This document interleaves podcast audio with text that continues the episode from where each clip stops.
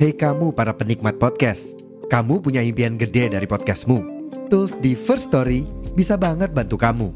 Mulai dari F-Link, Dynamic Audio Insertion, sampai statistik yang komprehensif, semua ada di First Story. Gak ketinggalan, kamu bisa monetisasi podcastmu lewat iklan dari First Story Ads yang bisa kasih kamu penghasilan dari setiap place podcastmu. Yuk gabung sekarang dengan klik di firststory.me. Sekali lagi, di firststory.me. Mari kita bawa mimpi podcastingmu menjadi kenyataan.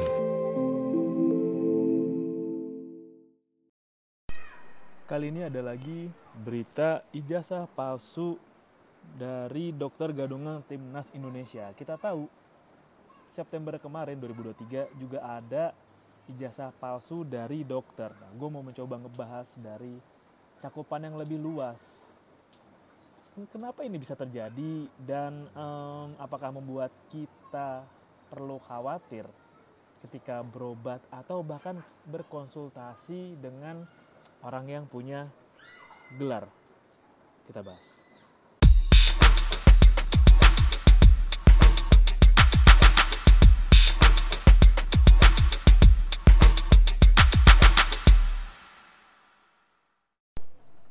Oke, jadi kalau lo dengar suara anak-anak di depan gue emang lagi ada playground. Ini gue rekam lagi di Malang. Tanggal 31 Januari. Gue mau bacain berita dari Opini ID. Ngeri. Profesi asli Elwizan Aminuddin, dokter gadungan timnas Indonesia, ternyata kondektur bis. Tuh ya, hanya dengan cara mengambil contoh ijazah di Google, diunduh lalu diedit, Elwizan Aminuddin bisa menjadi dokter tim nasional U19 sepak bola dan beberapa klub Liga 1. Ternyata aslinya dia adalah kondektur bis. Fakta ini terungkap menyusul tertangkapnya Amin oleh Satreskrim Polres Sleman, Yogyakarta setelah lebih dari dua tahun menjadi buron. Selain menjadi kondektur bis, dia usaha toko kelontong, kata Kasaret Skim, Kasat Reskrim, Polresta Sleman AKP Rizky Adrian dalam jumpa pers di Mapolres Sleman kemarin 30 Januari. Sebagaimana dilansir Jawa Pos Radar Jogja, Amin dibekuk di Cibodas, Tangerang, Banten pada Rabu 24 Januari. Oke, ini udah berlalu. Bukan lalu, menurut Rizky proses perburuannya berlangsung lama karena pelaku berpindah-pindah lokasi. Oke. Uh, kalau kita breakdown mundur ke belakang, lu inget nggak pernah ada kejadian September 2023 kemarin? Oke, ini kronologi praktek dokter gadungan di Surabaya versi PBID. Ini Republika. Jadi emang ada kemarin nih tamatan SMA atas nama S di Surabaya. Oke, sejak 2006 hingga 2008 di Gerobokan Jawa Tengah dia mengaku sebagai dokter dengan semua syarat terpenuhi dan sempat bekerja di Palang Merah Indonesia serta beberapa rumah sakit dan kemudian pindah. Nah, kita baca lagi oke. Oke, ini ketahuan karena tuh dia mengungkapkan oke Panggilan tersebut berawal dari kecurigaan perawat yang mendampingi dokter gadungan tersebut saat hendak melakukan tindakan operasi sesar kepada seorang pasien. Perawatnya ragu kemudian menghubungi direktur rumah sakit dan kemudian melaporkannya ke pihak berwajib. Sempat dihukum tapi sekarang kembali lagi dengan kasus yang sama. Oke ya kan. Ini diduga dilakukan malpraktik. Betul, izin praktik ada namun menggunakan surat milik anggota kami dengan mengganti fotonya.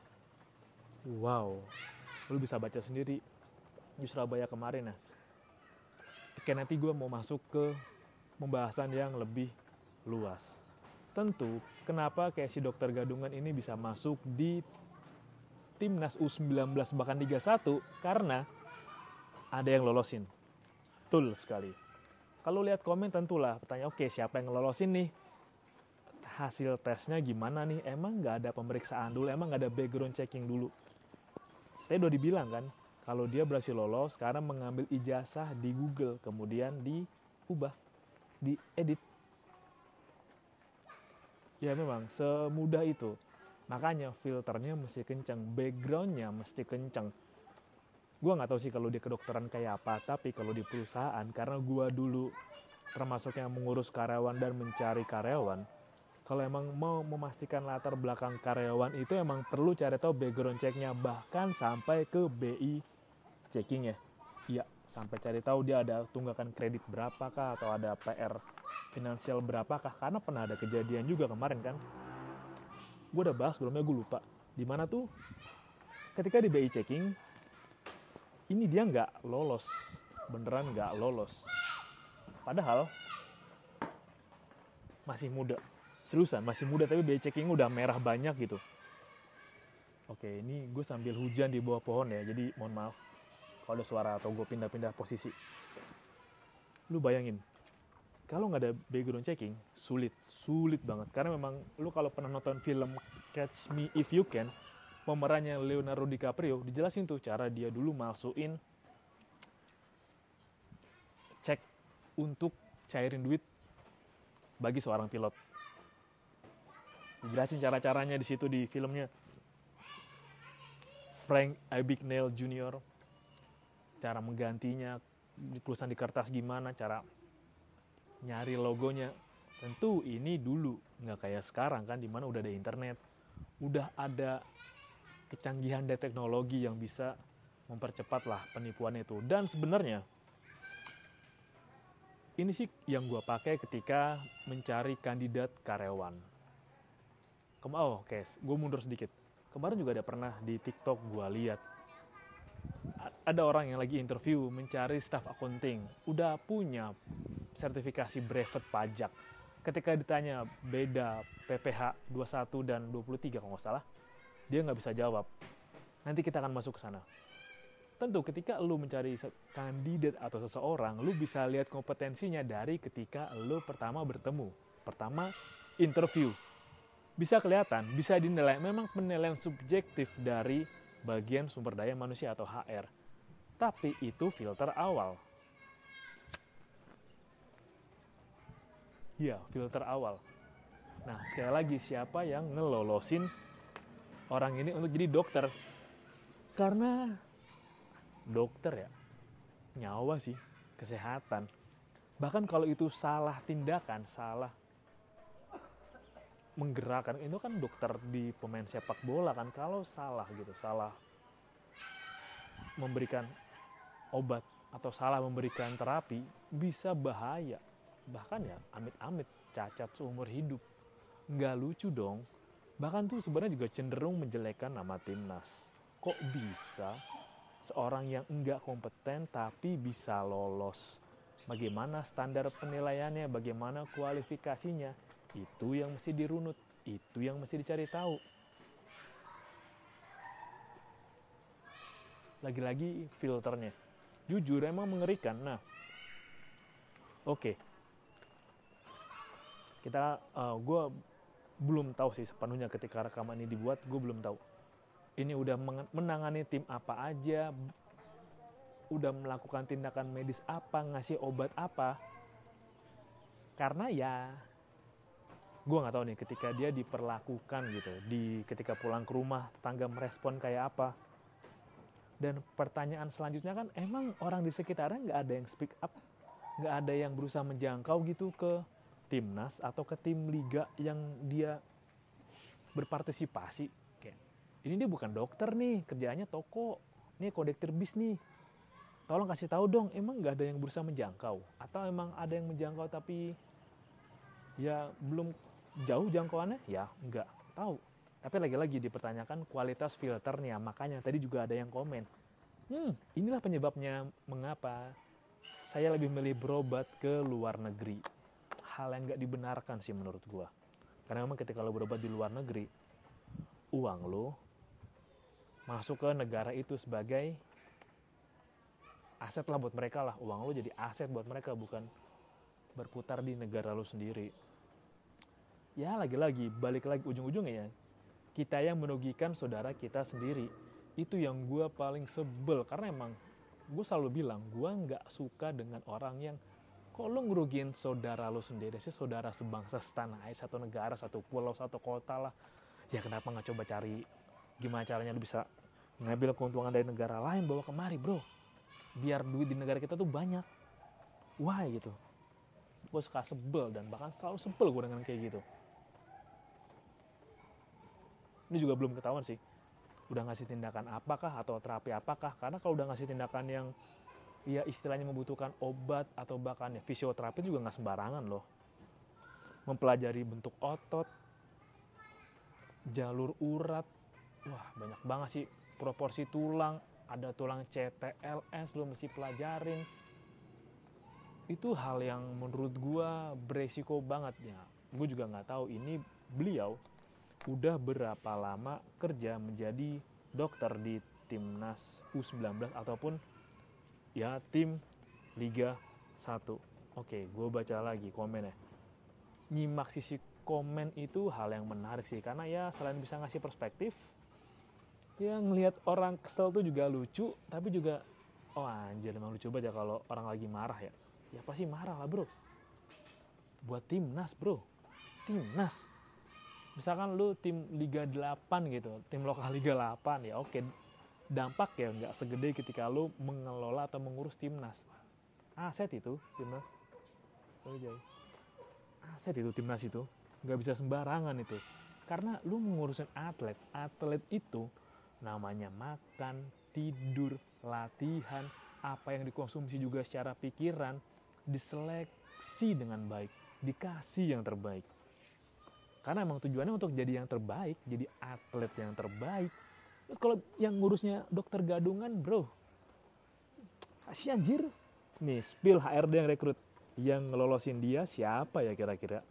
Tuh, nih. Padahal tenaga kesehatan itu bukti keahliannya banyak loh. Mulai dari ijazah pendidikan, profesi, STR, SIP, pelatihan yang harus selalu diperbaharui. Nah ini kok bisa kecolongan? Ya harus diperbaharui sih, nah. Gue nggak tahu deh. Gimana ngeceknya.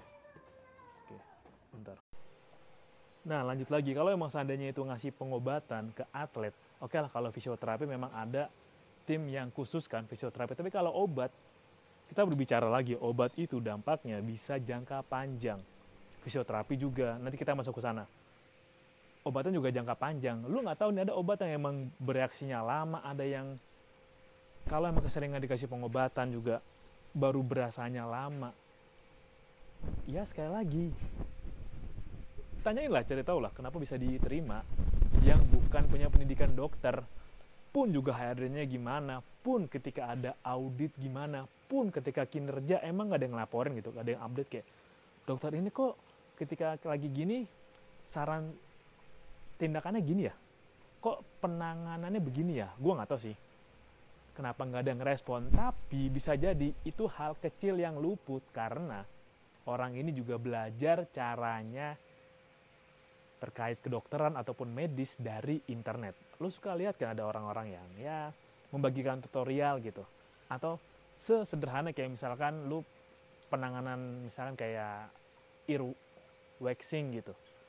Ngasih lilin kan di kuping ada caranya kan lu bisa ikutin itu tutorial caranya begini bla bla bla bla atau misalkan kayak ASMR pijet kretek Nih, masuk nih. Kretek yes. Menurut gue juga gue harus bilang gue khawatir banget kalau lu pernah atau sering dipijet kretek jujur nggak bagus buat gue paling marah so tau lu anjing mau lu suruh apa? Bilang nggak jujur ala lo iri kan lu pingin bisa kan? Alah bilang aja lu piri pengen ngasih duit banyak kan? Bilang aja lu pengen ikutan bilang aja lu pengen dikeretek kan? Enggak. Karena emang gue lihat gue jelasin ini berkali-kali. Kalau ini pertama kali lu denger siniar gue gue bilang gue nggak setuju pijat keretek. Karena untuk bisa kiro praktik harus punya sertifikasi. Kalau di luar kan jelas ada dokter Alex Turbio Joseph Cipriano. Lu bisa lihat kan ada tekniknya, ada penjelasannya, ada treatmentnya dan emang nggak bisa sembarangan dikretek. Makanya pas ngeliat ada orang dikretek tuh apalagi yang dikretek kayak yes strap gitu pas ditarik kenceng banget sampai dia pindah geser memang sensasinya tuh 15-30 detik pertama enak tapi habis itu sakit sakit sakit sakit kaku itu badan karena emang kita udah diciptain sama Allah struktur tulang yang sedemikian rupa sudah bagus sudah sempurna, sudah hebat, sudah rumit, sudah mendetail, udah disiapin kalau dengan posisi tulang segini, uratnya di sini maka bisa digerakin segini. Kalau urat ini sakit maka digerakin yang ini, ditarik yang ini. Nggak asal sembarang bunyi keretak, nggak sekedar ingin sensasi relapse atau rilis atau merasa lebih enteng. Enteng kalau yang ngelakuin kiropraktor dan itu ada ilmunya. Gue lupa dokter siapa gitu yang dia mengobati skoliosis juga kan nggak asal sembarang keretak. Dia ada besi magnet itu yang cari tahu frekuensi terus tulang dibunyiin untuk cari tahu tulang mana frekuensinya nggak bener ditandain di kertekin kan sampai jadi akhirnya berapa kali bolak balik dari skoliosis parah sampai bisa berjalan normal itu kan juga butuh waktu yang lama sekali lagi sertifikasi itu gue harus berkata jujur. Ini akan jujur dan nyakitin. Sertifikasi itu sama kayak lu les sama kayak lu kursus sama kayak lu training. Lu nggak terlibat dasar-dasarnya. Kak tapi kan sama-sama ngerti kak. Diajarin lama nih training 6 bulan setahun ada prakteknya ada pembelajaran contohnya ada magangnya. Yes betul. Tapi lu nggak terlibat di dasarnya yaitu akademisinya makanya nyambung kayak dokter tadi atau lu yang mau belajar jadi chiropraktor atau lu lagi belajar buat bisa keretak atau lu pernah datang ke keretak kalau lu belum ada pemahaman dasar yang keilmuan dasarnya soal kedokteran lah, soal apa yang dibentuk tulang, kelainan pada tulang, skoliosis, lordosis, kifosis tuh. Itu kan pengetahuan dasar tapi dirinci lagi tulangnya apa. Kalau di tulang belakang berapa ruas tulang belakang, ada saraf apa aja, ada saraf yang tulang belakang nyambungnya ke mana, terus nanti dipelajarin bentuk tulangnya apa, pembagiannya apa, dari batang ya, leher belakang ini nyambung ke mana, nyambung ke hipokampus kah, hipotalamus kah, atau bahkan ada amigdala kah, oke lihat lagi nanti, saraf tulang belakang apalagi, nyambung ke mana, lu bisa cari tahu kan, terus yang lu bahkan bisa sampai ke komposisi tulangnya, lu bisa pelajarin juga keilmuan dasarnya, cara menganalisa atau membuat anamnesa awal gimana, mengetahui simptom kayak apa, harus mengetahui racikan obatnya kayak apa, jika diberikan sekian maka terjadi reaksi kah pada kenaikan misal kenaikan tekanan pada darah atau kenaikan pada organ ginjal yang harus bekerja lebih cepat terus otak memprosesnya kayak apa kimia keluar di otak kayak apa itu akademi dasarnya itu keilmuan dasarnya mungkin lo ngerasa bisa ngerti memang ngerasa bisa dan bisa ngerasa itu emang dua hal yang berbeda dan gua nggak bosan ngingetin ini ngerasa bisa dan bisa ngerasa adalah dua hal yang berbeda. Ya mungkin lu bilang kayak, tapi kan dia udah punya kompeten setara dokter kak. Udah pengalaman dua tahun, udah mengenanganin A, B, C, D, E. Sertifikasinya banyak, yes banyak, tapi bisa jadi dia hanya lagi beruntung, bahkan bisa jadi malah ya dia lagi beruntung aja. Nemuin orang yang beneran kata dia bisa sembuh beneran sembuh gitu. Tapi kan lo kalau ngeliat ya ketika berobat 2, 3, 4 tahun mendatang gimana? Kalau emang ada yang berhasil beruntung. Kalau yang enggak bisa menderita seumur hidup enggak dibenarkan memang. Mungkin pernyataan bahwa ya udahlah daripada gue berobat ke medis lebih baik ke alternatif. Pertama memang karena biaya betul. Memang karena kesanggupan biaya semua orang beda-beda. Tapi membenarkan orang-orang yang kayak gini nih yang aku dokter dan nggak apa-apa kok gitu.